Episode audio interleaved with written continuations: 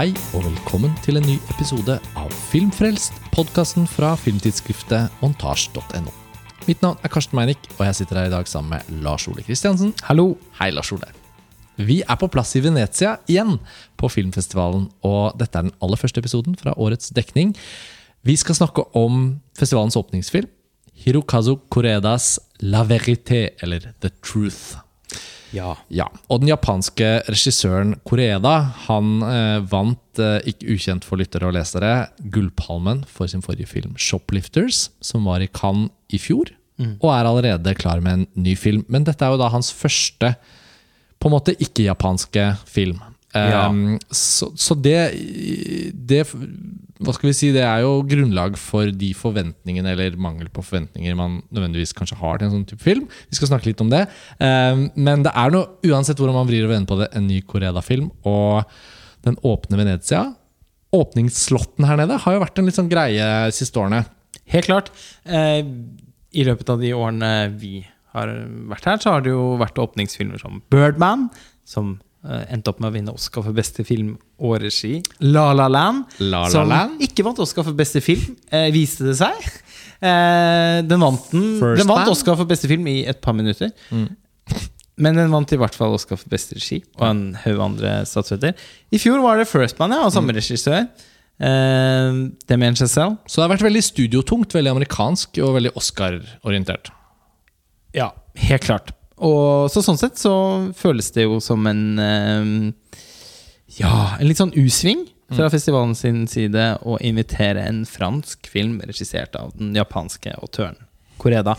Og det er jo nå engang sånn at Frankrike de, Altså, det er noe med at Fran Frankrike har en ambisjon for sin filmskaping som er litt sånn i særklasse. Så det er jo gjerne sånn at de er veldig på utkikk etter spennende filmskapere i hele verden som kan bli invitert til, film, til Frankrike for å lage en film. Og det har skjedd mange ganger tidligere med Altså, man, Vi kjenner jo til Kanal Pluss. Ja. Og hvordan de har bidratt til at eh, filmskapere som eh, David Lynch har fått gjøre film. Eh, vi har eh, filmskapere som David Cronberg og Brian De Palma. var også i hvert fall helt eller pengene. delvis Ja. eh, kommet til Frankrike for å få lov til å fortsette å lage kunstnerisk kompromissløs film med tydelig signatur. Men det er jo også sånn noen ganger at Og Michael Haneke, selvfølgelig. Men det er jo også sånn noen ganger at At filmskapere også kommer til Frankrike bare for å få lag Bare fordi de blir tilbudt en liksom pakke pakke på å lage en ny film, snarere enn at vedkommende har blitt litt sånn fryst ut av filmindustrien i sitt hjemland og eh, er, ja, trenger en havn, liksom. Ja? Og det Koreda har jo på ingen måte blitt fryst ut av den japanske filmindustrien. Han skal nok fortsatt, eh, fortsette å lage film der i flere tiår framover. Og han har nok bare hatt innmari lyst da, til å gjøre en film i utlandet. Og sikkert hatt kjempelyst til å samarbeide med Catherine Deneuve og Julie Epinoche, som spiller de to bærende rollene i filmen. Ja. Han er jo helt sikkert en stor beundrer av dem, som de aller fleste filmfans. Ja, og ja, for, å, for å bare bygge litt på det du sier, så, så, så, så føler jeg liksom, og lytterne kjenner seg sikkert igjen i det, at man, man, eh, man kjenner veldig godt til den følelsen som oppstår når norske eller andre regissører fra små land får tilbud om en jobb i Hollywood. Det er jo nesten som et eget begrep. Wow, du fikk laga film i Amerika. Um, men det eksisterer jo da en sånn subversjon av det, som er det å få lage film på franske penger. Typ. Uh, og nå er det ikke Joachim Trie har ikke laget film i Frankrike, men han er jo et eksempel på en norsk regissør som har eh, gjort da det. Altså, han har lyktes med Han har på en måte heller plukket opp hansken fra Frankrike enn fra USA. Eh, og det er franske penger i både mm, Thelma og Louder Than Bombs. Sånn at i den forstand at vi snakker om hvilken posisjon Frankrike som filmland og filmindustri har til å tiltrekke seg eh, filmskapere fra andre land, så er den faktisk betydelig, da. Hollywood har sin egen klang, eh, men, men med Frankrike også. Og da, det bringer oss til det- la, la verité. Vi må jo være litt ærlige om dette. At selv om vi er veldig glad i Koreda, og som lytterne våre kjenner til store beundrere av hans forrige film Altså, vi var jo Ganske en- sikre på at altså, Gullpalmen kommer til å gå til Shoplifters. Ja, altså- det, det ligger i podkasten. Det, fra ja, Cannes i fjor. vi var jo helt beinharde på at den måtte ta med seg hovedprisen i Cannes i fjor. Det gjorde den heldigvis. Og det er jo i hvert fall ved siden av eh, 'Søstre' kanskje hans aller beste film. Når det er sagt, så hadde vi jo litt sånn dempede forventninger til eh, The Truth. Ja, og det handler jo litt om f.eks. en regissør som Askar Farhadi, den iranske filmskaperen som sto bak Nader og Simin, eh, blant annet. Eh, Og, og, og hans suksess ledet ham jo til Frankrike, hvorpå han lagde filmer som for, for så vidt mange har satt pris på. da Men, men karrieren hans har jo blitt eh, litt europuddingaktig. Og jeg måtte innom begrepet før vi begynner å snakke om hva leverté er.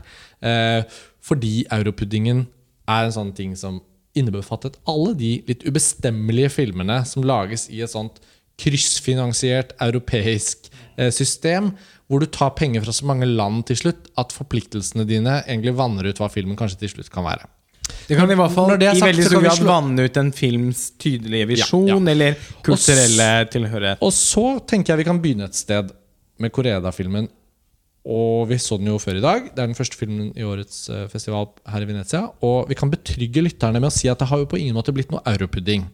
Den, den faren er uh, unngått. Eh, ikke noe Men problem. det var jo også da en film som eh, på papiret, eh, og sånn som vi hadde mulighet til å bli kjent med den på forhånd ikke, det, ble, det var ikke antydet at denne filmen skulle foregå eh, på kryss og tvers av landegrenser. Nei, den er meget fransk. Og, og det jeg skulle si, var at det har ikke blitt noe europudding, men det har heller ikke helt blitt en Koreda-film. Nei, altså det, det, det tenker jeg er det vi kan ja. eh, kansellere. Fordi det er jo ikke enorme mengder stoff å snakke om her.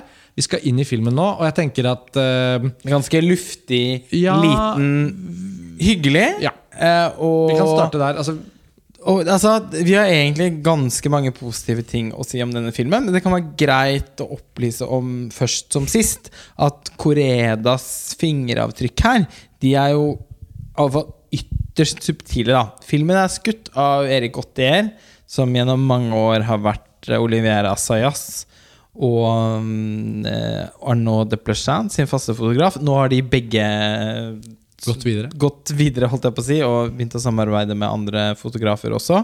Men eh, Njurik Lesaus har, vel, har jo vært vesentlig for Assayas i noen år nå, f.eks. Og ja. Trois Souvenir de Marchenesse var jo heller ikke skutt av Erik Cotter. Men det er helt åpenbart at Koreda han har beundret Gautier sitt arbeid i mange år og tenkt at å, det ville være gøy å jobbe med han. Og, og, og det har ikke blitt noe mislykket samarbeid. Erik Gautier har jo skutt filmen på film. Den Det er pleier jo Koreda å gjøre. Den, Ja. den ser kjempefin ut. merkbart celluloid. Vi er, er litt, Vi er litt usikre. usikre på om det er 35 eller 16 mm. Ja, den er kornete, Ja. så det taler litt være- for det- 16. ja, det gjør det. Jeg har også en magefølelse på at den er skutt på 16 mm, sånn som mellom linjene til Asayas Mm. i fjor, som også hadde premiere i Venezia. Mm. Uh, men det er likevel Altså sånn Ja. Det, det kan også være til 5 mm, hvor bare kornet er litt sånn skrudd opp i Det er vanskelig å si. Før vi går videre, skulle vi sagt litt om plottet? Jeg kan jo melde meg. Du pleier å sende det til meg, så jeg kan like godt bare gjøre det. Perfekt. Ja. Eh, La Verité er en eh, film om en familie og relasjonene innad i en familie. Og man kan jo på mange måter si at den egentlig de filmen, de, de franske filmskaperne jeg i størst grad tenkte på da vi så filmen, det var jo Olivier Assayas og Arnaud Deplechin. Så kan man si at det er ganske lett å føle at det ikke er en av de to som har lagd den.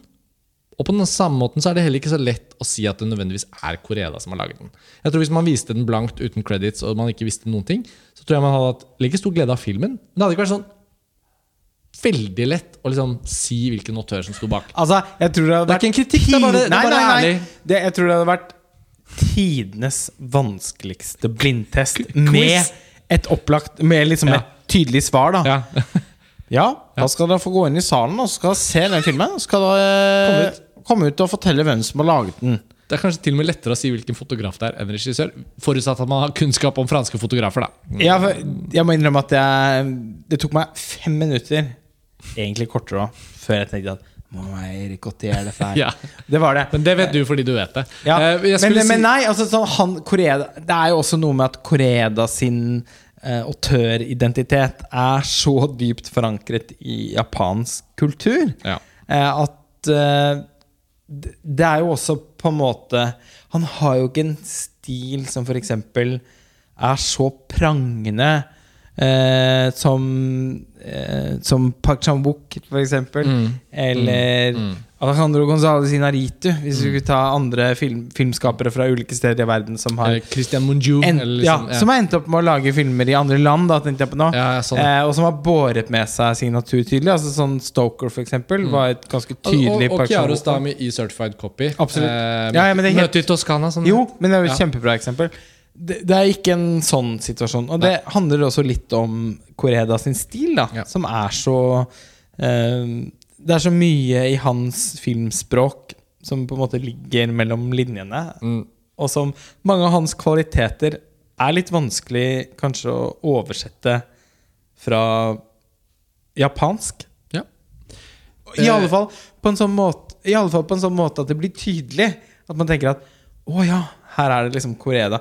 Når vi er i Søstre eller i Steel Walking eller i Shoplifters, så er vi også veldig bevisste på liksom Koredas Jeg jeg vet ikke. Han er vårt vindu inn i Japan nå, på en eller annen måte. Ja, ikke sant? Altså, han, hans Fordi det er jo ikke mer enn et år siden og, og et par-tre måneder vi satt og Og veldig sånn, sånn nest, Altså hvor vi satt og forsøkte å finne ord på hva som var Koredas spesifikke kvaliteter som filmskaper. Mm, Og på grunn av det, og bare liksom fordi at han er en filmskaper som vi setter så høyt, eh, og har så stor respekt for, så føles det også litt sånn Det, smaker litt rart i munnen min å si at hans kvaliteter som filmskaper ikke lar seg liksom oversette Eller eh, identifisere så lett og sånn. ja, ikke lar seg identifisere at de eh, først liksom slår ut i blomst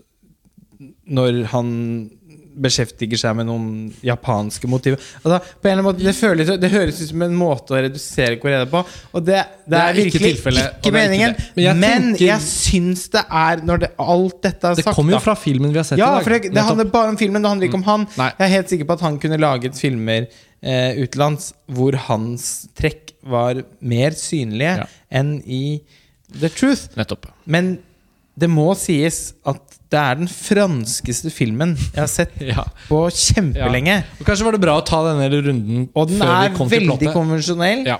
Eh, my, vesentlig mer konvensjonell enn Koredas filmer pleier å være. Ja. Og den har en målgruppe som er helt tydelig. Den, den kommuniserer med et litt sånn voksent, skråstrek, godt voksent publikum med en særlig Med en, med en svakhet for franske filmer om familierelasjoner, skutt i liksom varme eh, jordfarger, høsttoner, eh, og som tar opp noen vanskelige ting ved det å være menneske som forholder seg til andre, men samtidig kommer til et sted hvor det oppstår en forsoning, eh, hvor man forlater jeg- jeg kinosalen skulle jo varm til- om hjertet. Ja. Jeg skulle jo til å gi en kort plottoppsummering, så da kan vi jo gjøre det sammen. Ehm, det føles relevant å snakke litt om plottet nettopp fordi at filmen er litt én til én. Eh, det man ser, er litt det man får, men det er ikke nødvendigvis negativt. Eh, Det er jo Catherine Deneuve som er eh, fortellingens sentrum. Hun spiller en aldrende fransk skuespillerinne som har en eh, lang og rik karriere bak seg. Juliette Binoche er hennes datter, som har på en måte i hermetegn rømt til Amerika for å være mannsfatter, og har ikke på noen måte lyst til å være, gå i sin mors fotspor. Og så kommer de på besøk til da på en måte bestemor med sin datter. Hun er gift med Ethan Hawke, som er litt sånn dårlig B-TV-skuespiller. Eh, de kommer til Paris fordi Catherine Deneuves rollefigur har skrevet sin selvbiografi. Ja, og filmen begynner da med at et tidsskrift eller en avis intervjuer henne om hennes karriere. Så sånn sett så blir vi veldig godt kjent med rollefiguren med en gang. Ja. Litt sånn på samme måte som Travis Bickle blir eh, jobbintervjuet i den første scenen i Taxi Driver. Ja, nettopp, og Det er et ganske effektivt grep. Og, og selv om filmen føles litt sånn mekanisk i starten, så er det jo noe med at eh, jeg i hvert fall opplever at Koreda har eh, tegnet opp et plott her som også viser at han er en eh, filmnerd. At han er glad i film, og det at han har laget denne filmen i Frankrike, litt sånn ukjent grunn, som vi nettopp snakket om, at han har ikke den japanske kulturen rundt seg, så er det nå engang sånn at etter hvert som filmen skrider frem, og plottet liksom får brettet seg litt ut, så blir alle litt varmere i trøya. Fordi The Nøvs rollefigur er da også uh, skal i gang med en ny filminnspilling. Og eh, sammen med at Juliette Binoche og Ethan Hawke og deres datter eh, liksom litt sånn eh, det, altså, det er jo åpenbart noen familiekonflikter som ligger litt sånn i bakgrunnen her. Mm. så kommer filmen ordentlig til liv når vi da får være med på filminnspilling. Eh, og Catherine Deneuve har da antageligvis noen baktanker med hvorfor hun akkurat har valgt det prosjektet hun da skal spille i. Mm, I en fransk science fiction-film mm. så spiller hun Eh, en ganske sentral rollefigur. Um, og plottet i den kan vi komme litt mer inn på. Men det som skjer, er jo da at The Truth blir en film om film. Ja. Ja. Den det- skriver seg inn eh, i, rekken av eh, filmer hvor det å være på et filmsett, det å være filmskuespiller, eh, det å være eh, en eh, aldrende filmskuespiller som eh, som har Hvis selvbildet er i endring Det, er- altså, det er jo et motiv vi kjenner fra ganske mange filmer om film. Og senest for noen uker siden, eh, da Quentin Tarantinos nye mesterverk 'Once Upon a Time in Hollywood' hadde norsk kinopremiere, så var det mange som kunne more seg med å se Leonardo DiCaprio eh, slite med, eh, med formen på et eh, filmsett, for så å plutselig levere eh, på et uakseptabelt høyt nivå i en B-westernfilm på et filmsett eh, i, eh, i Once Upon a Time in Hollywood. Og det er jo igjen en sånn scene da som vi kjenner fra andre filmer om, om film, som f.eks. 'Natteffekt' av Francois Truffaut og Veronica Foss av Raine Werner Fassbinder. En utrolig gripende scene hvor Veronica Foss har nærmest gråtet seg til en ny filmrolle, men er så selvbevisst at hun faktisk ikke er i stand til å spille foran et kamera lenger. Og, og, Og det rammer jo Catherine Deneuve i science fiction-filmen innad i The Truth også. Ja. Hun, eh, hun er ikke i form, rett og slett, fordi at hun er fordi, fordi det virker som at hun ikke klarer å Hun klarer ikke å leve seg inn i øyeblikket og løfte fram følelsene sine på en naturlig måte. Hun er for opptatt av at hun blir sett på av de som står rundt. Ja, og, og øh, jeg, vi, snakket jo ganske raskt øh, om nettopp eksempel at den minte oss om Once Upon a Time in Hollywood, som, som du så første gang i Cannes i mai, og som vi har en podkast om, men som vi har snakket mye om etter at jeg også så den i sommer. Og, og, og, det, det, en ting er at vi eh, setter pris på filmer som av og av og til komme over en film som handler om film, og som har filmer i filmen. og sånn, Det er jo en egen litt sånn nerdete glede, og det er sikkert mange av lytterne våre som også, også føler. Det fine her er jo at Koreeda øh, ikke nødvendigvis er en filmskaper da, som man kanskje forventer det fra. Og mm, Vi snakket jo innledningsvis det som er regissør som kommer til Frankrike og får lage film i Frankrike. også. Askar Farhadis øh, Fortiden for eksempel, er jo litt sånn ser jo liksom, er jo bare så tung, tung materie, liksom. Og det som er hyggelig her, er at Korea har liksom tatt det som en sånn, det er nesten som en ferie. da. Jeg mener det også positivt. Det er ikke sånn at det er noe sånn henslengt, Neida, slapp men jeg film. skjønner veldig godt hva du mener. Han koser seg med å ha Catherine Deneuve foran kameraet sitt. Ja, det gjør han. Og det merker man så innmari i at ideen hans om en film i filmen er ordentlig god. Mm. Filmen i filmen, uh, i, i The Truth, er sånn en genuint eh, god og, og litt sånn herlig science fiction-idé.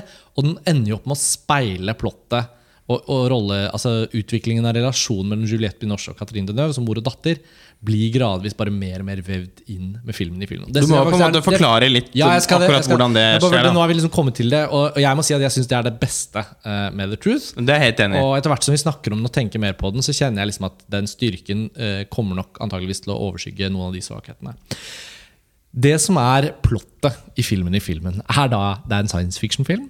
Uh, og det er, veldig, det er liksom så rørende også at det er en sånn fransk science fiction-film, og det er masse green screens på det settet. Så det er også en sånn motsetning. liksom Catherine Deneuve som aldrende stjernen hun har spilt i. liksom Åpenbart vært en del av da fransk film på 60 og 50-, 60- og 70-tallet. Det speiler jo Deneuves egen karriere. Og så er det liksom litt mer sånn moderne setting nå. Men den er likevel iscenesatt som en litt sånn old school science fiction. Uh, man kan få få en sånn følelse av at den ikke At den kanskje er mer Solaris enn uh, en Gravity, på en måte. og eh, i hvert fall så er plottet da at uh, en familie, eh, en mor, en mann og hennes datter rammes av en tragedie. Mor blir dødssyk. Og hennes eneste måte å ikke dø på, er å reise ut i rommet. Det blir ikke ytterligere forklart, men ute i rommet et eller annet sted så kan hun dra og ikke dø av sykdommen. Men det betyr at hun er borte fra familien. Og så er det en eller annen syklus som gjør at hun kan komme tilbake til jorden og liksom sjekke innom familien sin nå og da. Så mor blir ikke eldre. Hun spilles av dette stjerneskuddet, som også er litt sentralt for plottet i The Truth. Og så er det da datteren hennes, som starter som barn, som etter hvert blir tenåring og en ung voksen dame, spilt av Ludvig Sagnier. Eh, føles som sist sett i Swimming Pool til Francois også. Um, Ja, det er, altså, hun har spilt noen filmer etterpå, men det vet, føltes vet, jeg lenge siden Det føltes sist. Mm. lenge siden sist. Og så blir da hennes Sagniers rollefigur blir da spilt av Catherine Deneuve som gammel.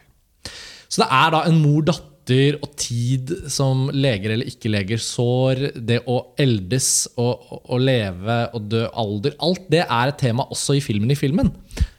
Ja, og, og ikke minst på grunn av eh, at eh, Du nevner jo da dette nye stjerneskuddet, eh, som The Nøvs rollefigur umiddelbart opplever en sånn sterk sjalusi overfor. Eh, og som hun er, altså Hennes tilstedeværelse er jo også noe av det som gjør at hun ikke helt klarer å leve seg inn i scenen, fordi hun er så bevisst på hvordan hun på en måte da i, med sitt eget blikk, på en måte, eh, fremstår som en slags sånn falmet stjerne eh, ved siden av denne nye solen. Ja, og ingenting av dette er jo egentlig Det er jo ikke noe spoilere overhodet, fordi vi egentlig setter bare opp det som er på en måte premisset for hvordan The Truth blir til en god film. For jeg føler jo både at eh, det er en film å hygge seg veldig mye med. Som vi, jeg føler litt det ligger i hvordan vi snakker om den. At eh, den er ikke en toppfilm, men den er veldig ålreit å se.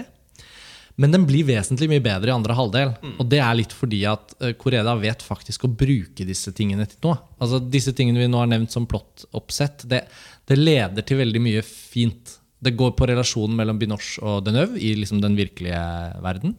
Og så er det også da så gøy når en film i filmen eh, oppfører seg litt som en ordentlig interessant filmidé. Altså, hvis Koreda hadde filmatisert Altså laget en spillefilm, da, med den som et utgangspunkt, så tror jeg det eh, kunne blitt en, en ganske sånn en, Altså en virkelig god science fiction-film.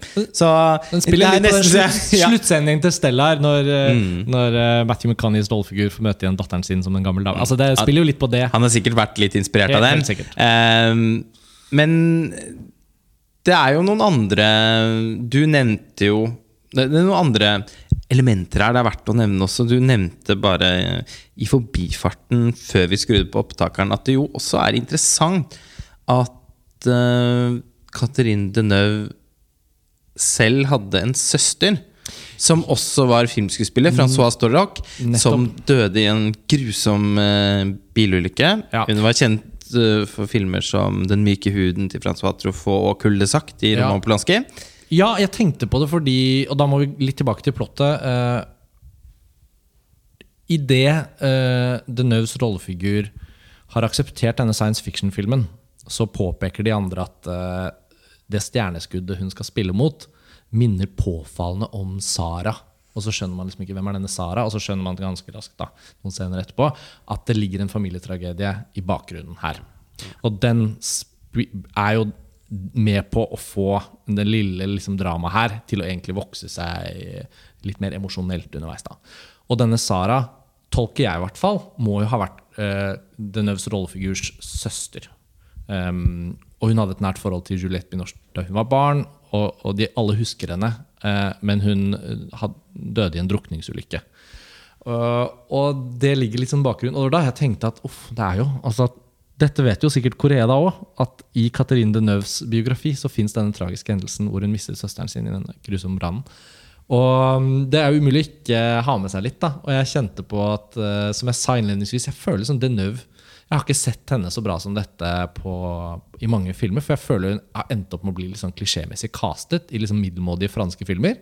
Og det blir litt sånn hashtag gimlepublikummet. og Ja, Som, ja, som om man ikke har en kritisk sans bak Nei, men altså, Deneuve. det har jo på en måte ikke Nei, men hun har mis... Altså sånn i løpet av det siste tiåret, føler jeg, så er ikke eh, det at Catherine Deneuve eh, står på plakaten til en fransk film, egentlig en sånn spesiell attraksjon lenger. Men her er hun Hun er jo fra, fra tidligere av en av historiens beste skuespillere. Så Uh, Men ja, absolutt. Jeg er helt enig. Jeg syns hun er veldig sånn sjelfull. Og, Kanskje og har god det- der, og jeg syns hun er bedre enn Juliette Binoche, Ja. som jeg alltid Altså sånn en, Hun Jeg er innmari glad i henne, men jeg synes sjelden at hun er særlig god på komikk. Og hun får liksom Det blir sentret noen komiske baller til henne i den filmen her som jeg ikke helt føler at hun klarer å sparke opp i luften igjen. Nei, og hun blir jo da- så er, snakker hun ganske mye engelsk i filmen også, i særlig da scener med noen av scenene med datteren, og særlig scenene med Ethan Hawke.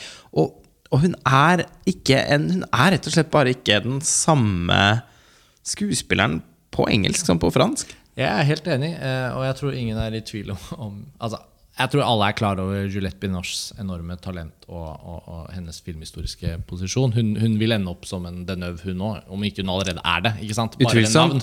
Hun er jo en av de få franske skuespillerne som er en blockbuster-skuespiller i, i Norge og andre små land. Og som har vunnet Oscar for Ja, Den engelske pasient. Ja, så det er på en måte Det er ikke noe tvil, men det er nå engang sånn som, det, som du sier, da, og det gjelder dem begge litt, at det, det er nesten blitt litt, gått litt automatikk at bare hvis Binoche eller Deneuve er i en film, så er det automatisk en kvalitet, på en måte. Uh, Isabelle Huppert uh, Det fins et snev av det hos henne òg, for hun har spilt i noen sånn corny filmer. Mm. Men det er jo Når de er på sitt beste, så er det jo ikke feil at man ofte omtaler dem som liksom blant altså Særlig Binoche og Huppert da, har jo ofte blitt omtalt som liksom de beste Skuespillerne i Frankrike. ja, ja. og i, kanskje i Europa i sin generasjon. Ja, så det er litt uh, ålreit, syns jeg, da at eh, Koreda får opp filmen ganske mange hakk de siste 45 minuttene, kanskje de siste halvtimen særlig. Um, og det drar litt Binoche i land også, syns jeg. Mm. Fordi hennes rolle til at hun er mannsfatter, blir etter hvert også vevd inn. Så Det er så mange Det er ikke helt en metafilm, for det blir den liksom ikke helt. Men hvis man er skarp på å få med seg noen av motivene, Mm. sånn som at uh, Deneuve uh, flere ganger på sett snakker om at ja, men jeg, har ikke, jeg har ikke en følelse å tenke på, og, og, og i tilfelle komme på hva hun burde ha gjort, og vil tilbake og skyte en scene om igjen. Sånn. Det var da jeg tenkte på Deneuves egen søster. Da tenkte jeg, nettopp, jeg, Nettopp, ser jo på at Catherine Deneuve i denne filmen skal uh, minnes en søster som gikk bort. Har jo hun tilgang på Der, Mm. der blir det et sånt metanivå. Og så er det det med Binoche, som da i filmen spiller manusfatter, som etter hvert begynner å forberede replikker til de andre i visse settinger. Og det er veldig fint. Så jeg føler alltid alt at ja, det er ikke en stor Koreda-film fordi, som vi var inne på innledningsvis. Nei, nei, nei. Ikke sant? Det Men- japanske og hans Men den, men den har men Men den har ganske mange liksom, sy, sånn, lett identifiserbare kvaliteter. Mm. Og eh, som avslutningsvis så kan jeg bare også si at jeg er enig i at den eh, Nei, det er ikke en sånn metafilm. Og det er heller ikke en av de eh, mange relat, altså Det er jo relativt mange filmer om film eller om det å skape kunst som, som er ganske enten nostalgiske eller eh, litt sånn kulørte på en eller annen måte i sin måte å, å, å lage skjebnedrama rundt uh, det å skape kunst på. Ah, Jeg vet ikke. Eh, og som jeg i og for seg bare så det er sagt, altså, ofte kan like. Altså All That Jazz, for eksempel. Få se et vidunderlig eksempel på det. 8,5 av Fellini. Eh, men denne her minner mer om f.eks. Sexys Comedy til Katrin Breiat, da, som er en av de mest sånn eh, autentiske, dempede filmene jeg har sett om en kunstnerisk prosess på et filmsett.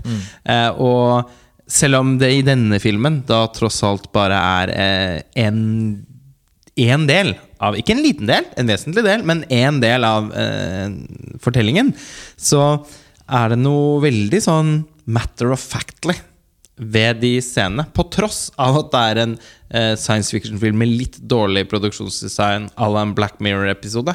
Så eh, Nei, det, han, lykkes veldig godt da han- med å eh, gjøre, med, med å liksom hele tiden få filmen ned Mm. istedenfor opp.